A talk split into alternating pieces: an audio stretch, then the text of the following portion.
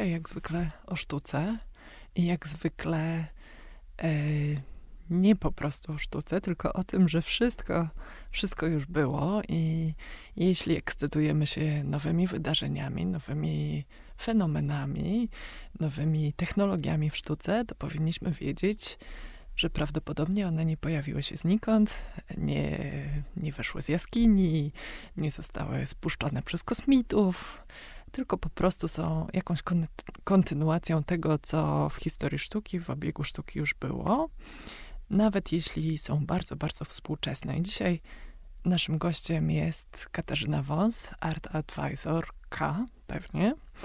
E, I będziemy rozmawiać, mam nadzieję, że Kasia się na taką rozmowę zgodzi, o najczęstszym feedbacku, który słyszą art advisorzy, mianowicie czemu jest tak brzydko na tej ścianie? Dzień dobry. No widzisz, zagadałam cię od samego początku. Chciałabym e, poprosić cię o, o wytłumaczenie takiego e, terminu art advisor, bo to nie figuruje chyba w klasycznym zestawie e, no, zawodów. Zawodów związanych ze sztuką w tak, Polsce. Tak. Co to jest ten Art Advisor? Co on robi? I dlaczego jest tak, że o Art Advisorach zaczęliśmy słyszeć 5-7 lat temu, a wcześniej ani, ani. Nie było słówka o takim e, zawodzie. Ani, ani, no właśnie. Um, Troszeczkę czym, czym jest e, ten zawód? Um, tak jak w każdej branży, um, w której w rolę odgrywają, znaczącą rolę odgrywają pieniądze, e, jakość. Lubię ten e, temat, Kasiu, nie ukrywam, lubię każdego, kto tutaj siada na tym krzesełku, przysłuchuje na tę okoliczność i tak, sztuka jest tematem, w kontekście którego pojawiają się pieniądze. Tak, i, i, i trzeba, trzeba wreszcie zacząć o tym mówić jasno i wyraźnie. E, no więc jeśli są różne e, ważne dla ludzi aspekty, pewne ryzyko, w tych obszarach pojawiają się doradcy. I nie inaczej jest e, ze sztuką. Zawód doradcy mm, do spraw sztuki, bo tak możemy po polsku rozwijać e, tę, tę nazwę, tę profesję, e, no, tam, gdzie rynek e, rozwijał się już od dawna i jest ugruntowany, taki zawód istnieje od dawna. W Polsce częściej spotykaliśmy się z marszandami, z dealerami, i tak dalej, czyli osobami sprzedającymi, po prostu handlującymi sztuką. Natomiast e, rolą advisora jest e, nie partycypowanie w samej transakcji, to znaczy nie jako ciała, przez które przepływają pieniądze, aczkolwiek też się to zdarza. E, natomiast ma służyć poradą, swoją wiedzą, doświadczeniem, często również gustem, wyczuciem, intuicją, czy też bardziej mm, wypracowanymi technikami analitycznymi, w jakim... O, rety, rety. Hi, hi, hi. Wypracowane techniki analityczne. Nie, nie zdarzyło cię, mi się. Zaraz będę cię pytać, co to znaczy. E, I to ma pomóc e, klientowi w dokonaniu odpowiednich e, wyborów e, zakupu sztuki. Natomiast no, mi też się zdarza pracować pracować nie tylko z mm, klientami indywidualnymi, którzy po prostu chcą zakupić e, sztukę, ale również z klientami biznesowymi. Czy są to e, firmy większe, mniejsze, hotele, e, biura, które po prostu chcą w swoim DNA również posiadać sztukę. Jasna sprawa. Czyli tak na na polski to jest osoba, art advisor to jest osoba, która trzyma klienta korporacyjnego albo indywidualnego za rękę i mówi: Dobrze pan robi, nie straci pan tych pieniędzy. Albo robi pan bardzo źle i proszę natychmiast zmienić swój sposób myślenia. No właśnie, ja chciałam dzisiaj z tobą troszkę porozmawiać o tych przypadkach bardzo źle. Ja też mam doświadczenia e, we wspieraniu osób e, indywidualnych i podmiotów komercyjnych w kupowaniu sztuki. I tym, co najczęściej słyszę, kiedy przedstawia się im rekomendacje dotyczące zakupów albo koncepcje, jak taka kolekcja może wyglądać, e, tym, co naj, najczęściej słyszę, jest zdanie: Pani Anno, ja nawet jestem w stanie intelektualnie pojąć, że to jest dobra sztuka, ale to jest tak potwornie brzydkie, że nie jestem w stanie tego powiesić na ścianie. Poszukajmy czegoś bardziej neutralnego, poszukajmy czegoś piękniejszego. Mm, tak, no jest to, jest to moja bolączka też, e, też bardzo częsta. Mm, myślę, że ma to miejsce przede wszystkim e, z klientami, którzy faktycznie stawiają e, pierwsze kroki. Mm, jeśli masz inne doświadczenia, to, to chętnie się wymienimy, e, bo to zawsze też poszerza sposób myślenia i też radzenia sobie w takich sytuacjach. No więc bardzo często, jeśli są to mm, przestrzenie reprezentacyjne, E, czy też są to przestrzenie, w których e, mają przebywać osoby i ta sztuka e, ma służyć po prostu dekoracji, a nie mm, jakiemuś rodzaju y, pobudzania intelektualnemu, e, to faktycznie ten, ten aspekt e, ładności e, sztuki jest bardzo istotny. I to też ma miejsce właśnie z no, prywatnymi osobami, które po prostu szukają raczej dekoracji nad kanapę niż sztuki powiedzmy zaangażowanej intelektualnie i wtedy często wymagającej. A jak to jest? Czy piękna sztuka jest zawsze dobra i czy dobra sztuka musi być piękna? E, właśnie tak myśląc o tym zagadnieniu, które, które dzisiaj mamy omawiać, układam sobie mm, sformułowanie ładności. I myślę, że ta ładność bardziej przystaje do tych dekoracyjnych oczekiwań klienta.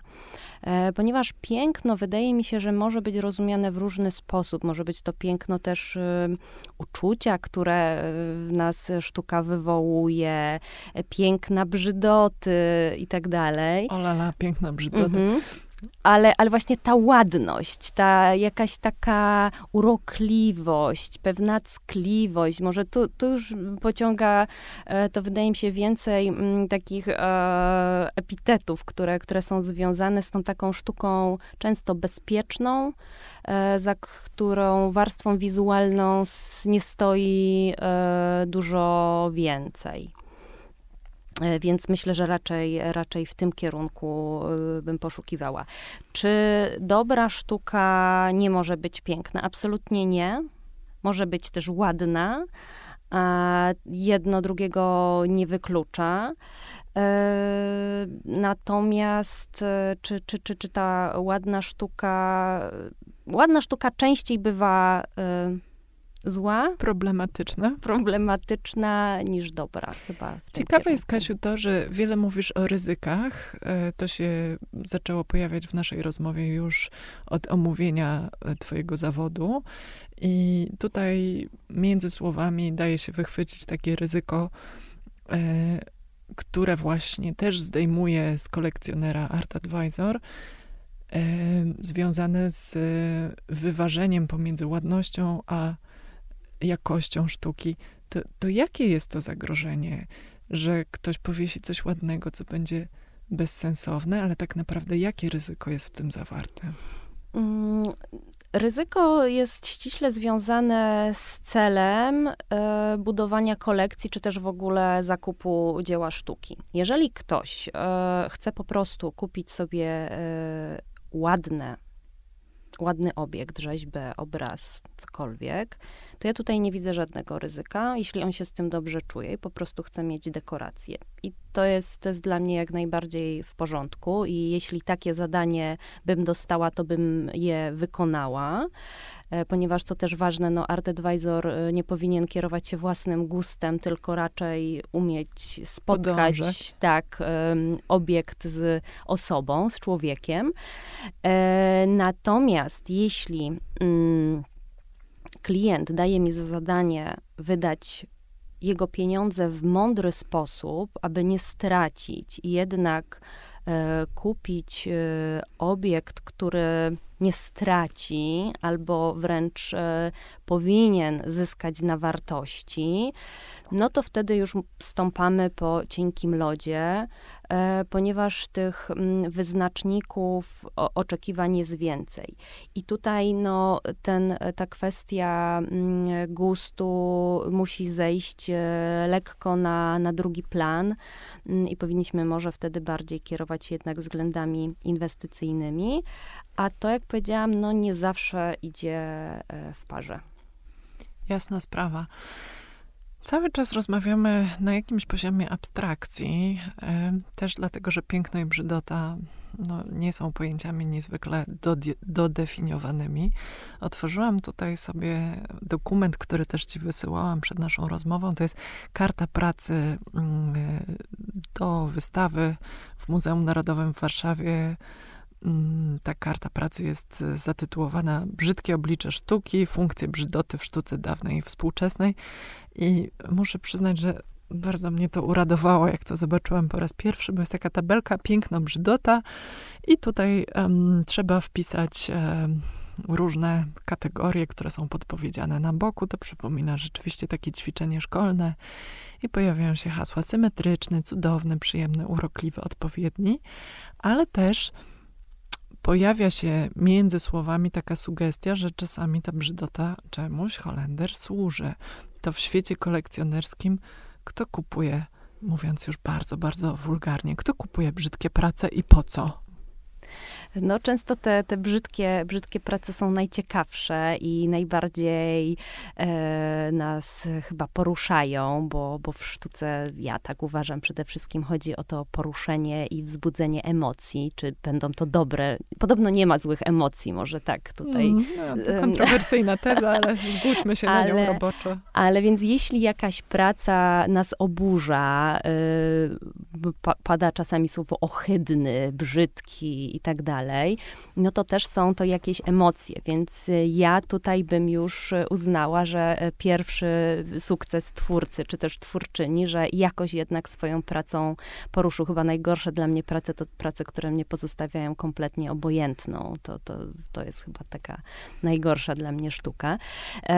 Natomiast, no, jeśli kolekcjoner czy kolekcjonerka chcą mieć tą sztukę brzydką, powiedzmy, to ewidentnie oczekują, że y, to w jakiś sposób ich porusza. Mhm. E, pobudza. E, chyba, że po prostu kupują jakąś pracę ze względu na nazwisko e, autora czy autorki, no a nie da się kupić po prostu ładnej pracy takiego. Czy to są częste przypadki? Czy kolekcjonerzy, zwłaszcza ci początkujący, kupują nazwiska czy pracę? E, no przede wszystkim jednak kupują e, nazwiska. Jest to dużo bezpieczniejsze, wydaje mi się, ponieważ mm, często wśród e, kolekcjonerów i kolekcjonerek no, zauważamy jednak pewne lęki, no bo jednak kupowanie sztuki to obnażanie siebie, obnażanie swojego gustu, y, takich dosyć intymnych, wewnętrznych y, drżeń. Y, więc no, po, powieszenie na ścianie i pokazanie swoim gościom E, tego, co, co mi się podoba, myślę, że jest nie lada wyzwaniem. E, dlatego bardzo często te osoby kupują nazwiska, które są już sprawdzone, które są już e, uznane. Ktoś mądrzejszy stwierdził, że, że, że to jest dobre. Stąd mody też na Czy pewnych tak można artystów. zanalizować na przykład modę na tego malarza na F i te piękne, kolorowe koła? Zdecydowanie fangoroza, y, którą, która, która jest zauważana na przede wszystkim polskim rynku, bo, bo nawet ten powiedzmy międzynarodowy rynek to, to jednak polscy klienci. Y, jest to są to prace, które mają w zasadzie wszystkie aspekty, które y, są wystarczające dla majętnego nowego klienta. Jest to nazwisko rozpoznawane, y, uznane przez rynek sztuki, y, uznane również jednak instytucjonalnie i, i to międzynarodowo. Ta jednak wystawa w MOMie, tak? Wystawa w Guggenheimie, w MOMie też, ale, ale przede wszystkim ta monograficzna wystawa w Guggenheimie, e, co, co oczywiście nie, nie jest bez znaczenia i ten, ten okres życia Fangora w Stanach jest, jest bardzo istotny i on też daje ten taki paszport, że to my się nie taplamy tutaj znowu w naszym polonijnym bagienku, tylko jednak jest, jest większa opcja tych klientów międzynarodowych. No i przede wszystkim te prace są ładne. I bezpieczne. I bezpieczne. Aczkolwiek no, ja bym oczopląsu dostała z takim fangorem w domu, myślę. Ale no, są kolory, jest kształt, można sobie o tym porozmawiać, można coś zobaczyć więcej niż tylko jest namalowane. Więc y, tak, to są, to są taki win-win. Czyli można powiedzieć, że Fangor to jest taka praca, przy której niepotrzebny jest art advisor, bo na nikogo nie można zwalić, jeśli się gościom, odbiorcom czy innym korporacjom, które się zaprasza do swojej sali konferencyjnej, jeśli komuś się nie będzie podobało. Chyba tak. No. Hm, no, dosyć przerażające. A czy jest jakiś rodzaj snobizmu na trudne prace? Wyobrażam sobie, a trochę spotkałam się też mm, z takimi postawami, one oczywiście są niezwykle niszowe, że kolekcjoner, który zbudował już e, jakąś kolekcję, odrobił swoje zadania obowiązkowe, e, chce wzmocnić swoją pozycję jako e, arbitra elegancji czy lidera opinii i kupuje niezwykle śmiałą pracę, którą się chwali, która prawdopodobnie w tej karcie pracy Muzeum Narodowego w Warszawie wylądowałaby po stronie Brzydota, i to jest taki komunikat, a mnie na to stać. Mentalnie, intelektualnie, wizerunkowo. E, no, myślę, że tak, że to jest już taki bardzo mocny manifest, e, pewien statement kolekcjonerski, e, że właśnie no, ja poszukuję, poszukuję czegoś głębiej, czegoś więcej. Oczywiście, no, e, może to wahadełko się wtedy mm, wychylić w drugą stronę i znowu takie jakieś turpistyczne e, tutaj zapędy, tylko żeby się skupiać na tej warstwie wizualnej, bo coś właśnie jest takiego obrzydliwego, nieprzyjemnego, no to nie, wiem, czy to nie jest dokładnie ta sama, ta, to, ten sam sposób myślenia jak w przypadku ładności, tylko właśnie na drugim biegunie. No ale, żeby właśnie nie, nie być e, gołosłownym, no to dla mnie takim niesamowitym fenomenem umiłowania brzydoty i wręcz turpizmu jest Beksiński, który no teraz jest... E, niezwykle poszukiwany Niezwykle poszukiwany, e, bardzo lubiany i co ciekawe, bardzo często zdarza mi się, że rozmawiając z osobami, które kompletnie ze sztuką nie mają nic wspólnego i też no, nie mają takich ambicji, żeby ją kupować, to że e, ten Beksiński jest jakimś takim mm, wyznacznikiem, no to mi się podoba, to jest niesamowite, to mnie fascynuje.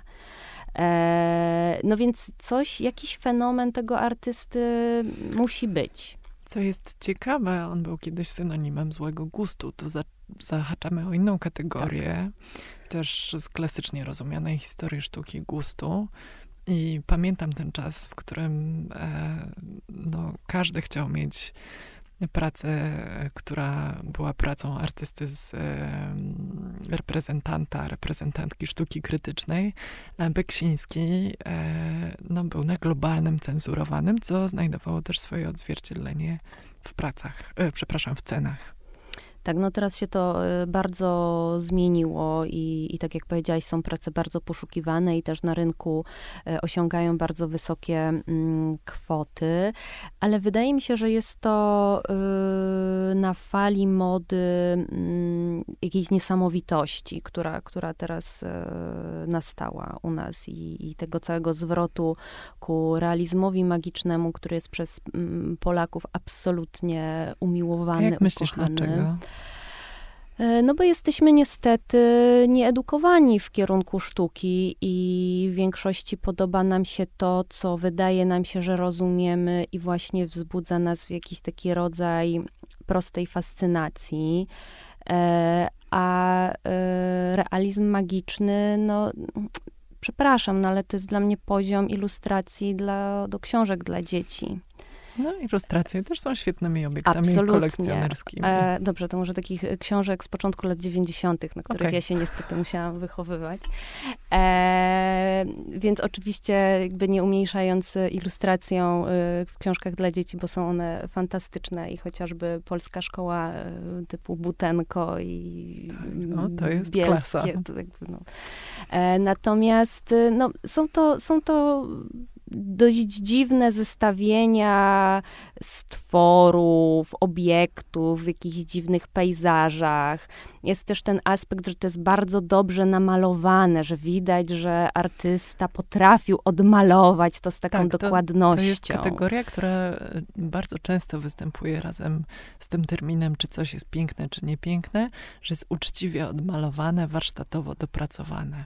Tak, I... że ekspresja nie jest za bardzo doceniana e, albo oczywiście sformułowanie e, moje dziecko by to namalowało, tylko jeśli coś faktycznie widać ten warsztat, widać kunszt, no to wtedy to jest ten wyznacznik dobrej sztuki, a to akurat no, w realizmie magicznym jest, jest. absolutnie ta lekcja odrobiona.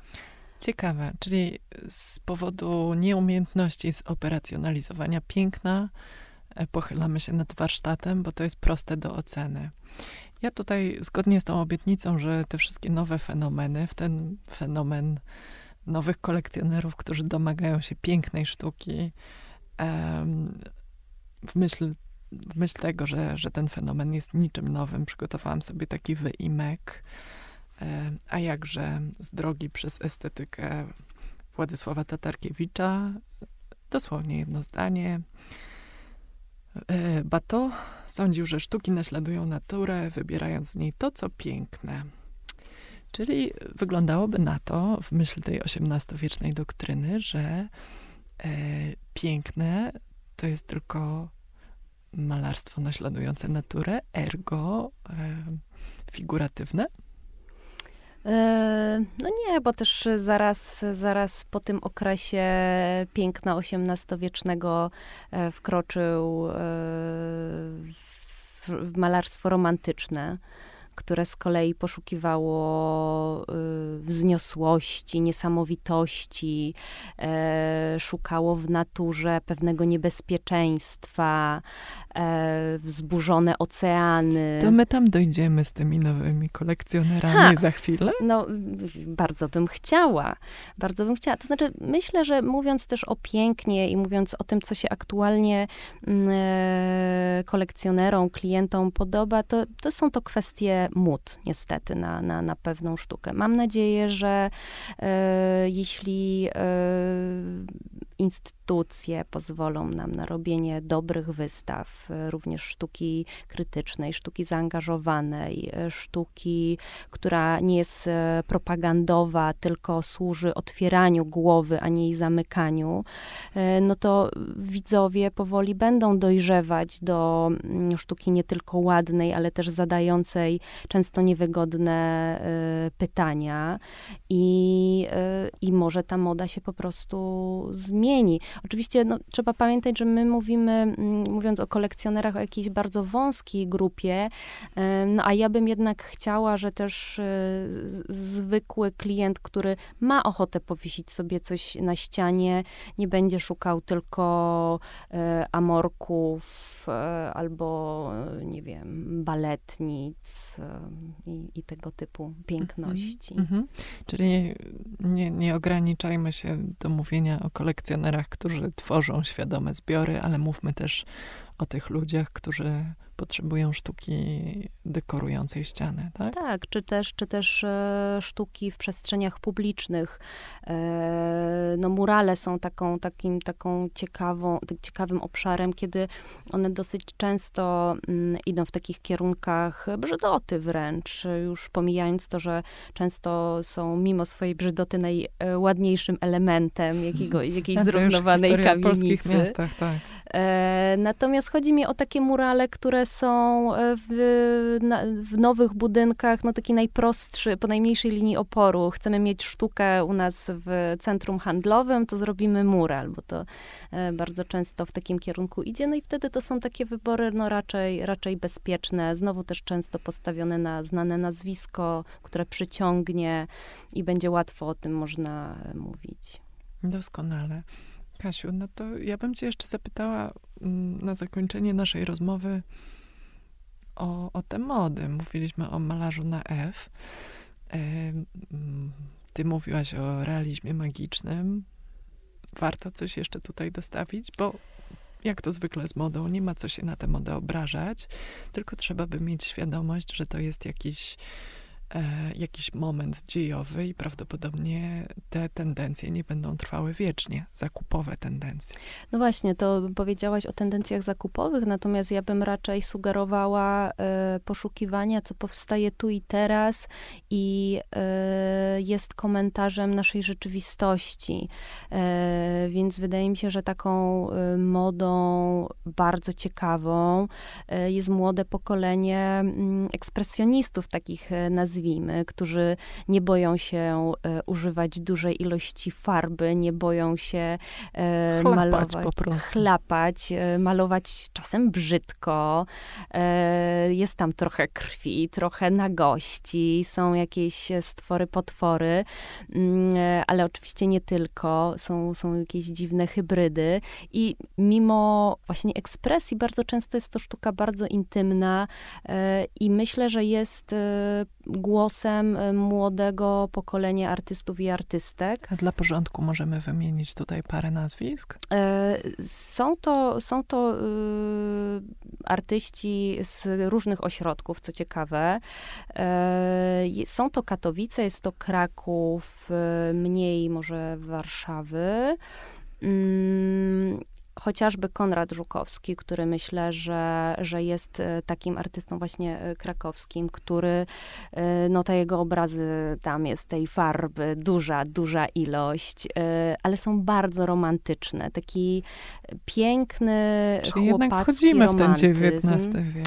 Trochę tak. Myślę, że, że to są takie mm, no, wyznaczniki poruszenia no nie można o tych obrazach powiedzieć, że są ładne, natomiast no, są poruszające. I co ciekawe, one się dobrze sprzedają. I one się świetnie sprzedają. E, no na pewno też artystką, która, która się świetnie sprzedaje jest e, Martyna Czech, o której no też trudno powiedzieć, żeby, żeby malowała ładne rzeczy. E, aczkolwiek są kolorowe, no, ale no są, to, są to często bardzo takie, no, powiedziałabym, bolesne, intymne e, obrazy. E, no, sugeruję mm, sięgnąć e, do katalogu, który wiem, że wyszedł po wystawie Fundacji Gierowskiego. Tak, świetnej e, wystawie. Wystawa zorganizowana przez dwójkę młodych kuratorów, Michalinę Sablik i kuratora Galerii Serce Człowieka, e, też świetnie, świetnej galerii wartej e, obserwowania no, wystawy, która zmapowała w zasadzie mm, to, co się przez okres e, pandemii działo wśród właśnie młodych polskich malarzy. Bardzo różne estetyki, jednak wyczuwalne są tam pewne tendencje, pewna fantastyczna wrażliwość tych twórców i twórczyń, więc jeśli ktoś poszukuje inspiracji i chciałby zobaczyć, co teraz młodzi robią i co jest warte uwagi, to, to polecam albo dokumentację, tej wystawy albo po prostu ten, ten katalog. Co odsyłałoby nas do wniosku, że mimo tego, że ciągle słyszymy, że ma być pięknie na tej ścianie, a nie jest, to rośnie też mm, taka elastyczność czy, czy otwarcie na to, żeby, żeby język sztuki, którą zaprasza się do domu, do sali konferencyjnej, do swoich zbiorów, troszeczkę tej ładności i pięknu konwencjonalnie rozumianym się wymykał. Kasiu, bardzo dziękuję za tę rozmowę. Dziękuję również.